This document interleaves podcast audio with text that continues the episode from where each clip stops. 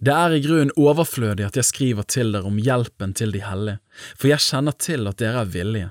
Jeg roser dere for dette hos makedonierne og sier Akaya har vært rede helt fra i fjor, og den iveren dere har vist, har tilskyndet så mange. Likevel sender jeg disse brødrene for at ikke de lovord vi har gitt dere på dette punktet skal vise seg å være tomme ord, slik at dere kan være forberedt, som jeg har sagt.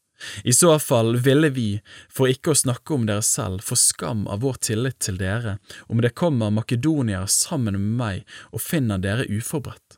Derfor fant jeg det nødvendig å oppfordre brødrene til å reise i forveien til dere, og på forhånd få i stand den rike gaven dere før har gitt løfte om, så den skal ligge ferdig som en velsignelse og ikke som en gniergave.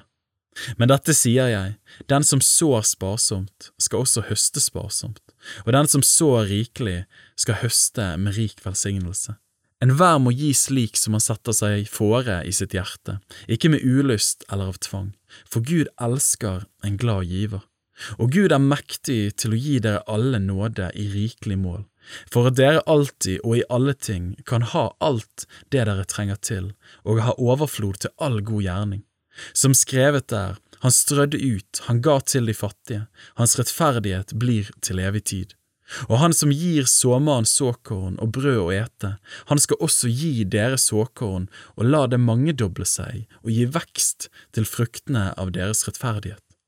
Og så skal dere bli rike på alle ting, til oppriktig godhet, som ved oss virker takksigelse til Gud. For den hjelp som dere gir ved denne tjenesten, skal ikke bare fylle mangel hos de hellige, men også skape overflod ved manges takksigelser til Gud.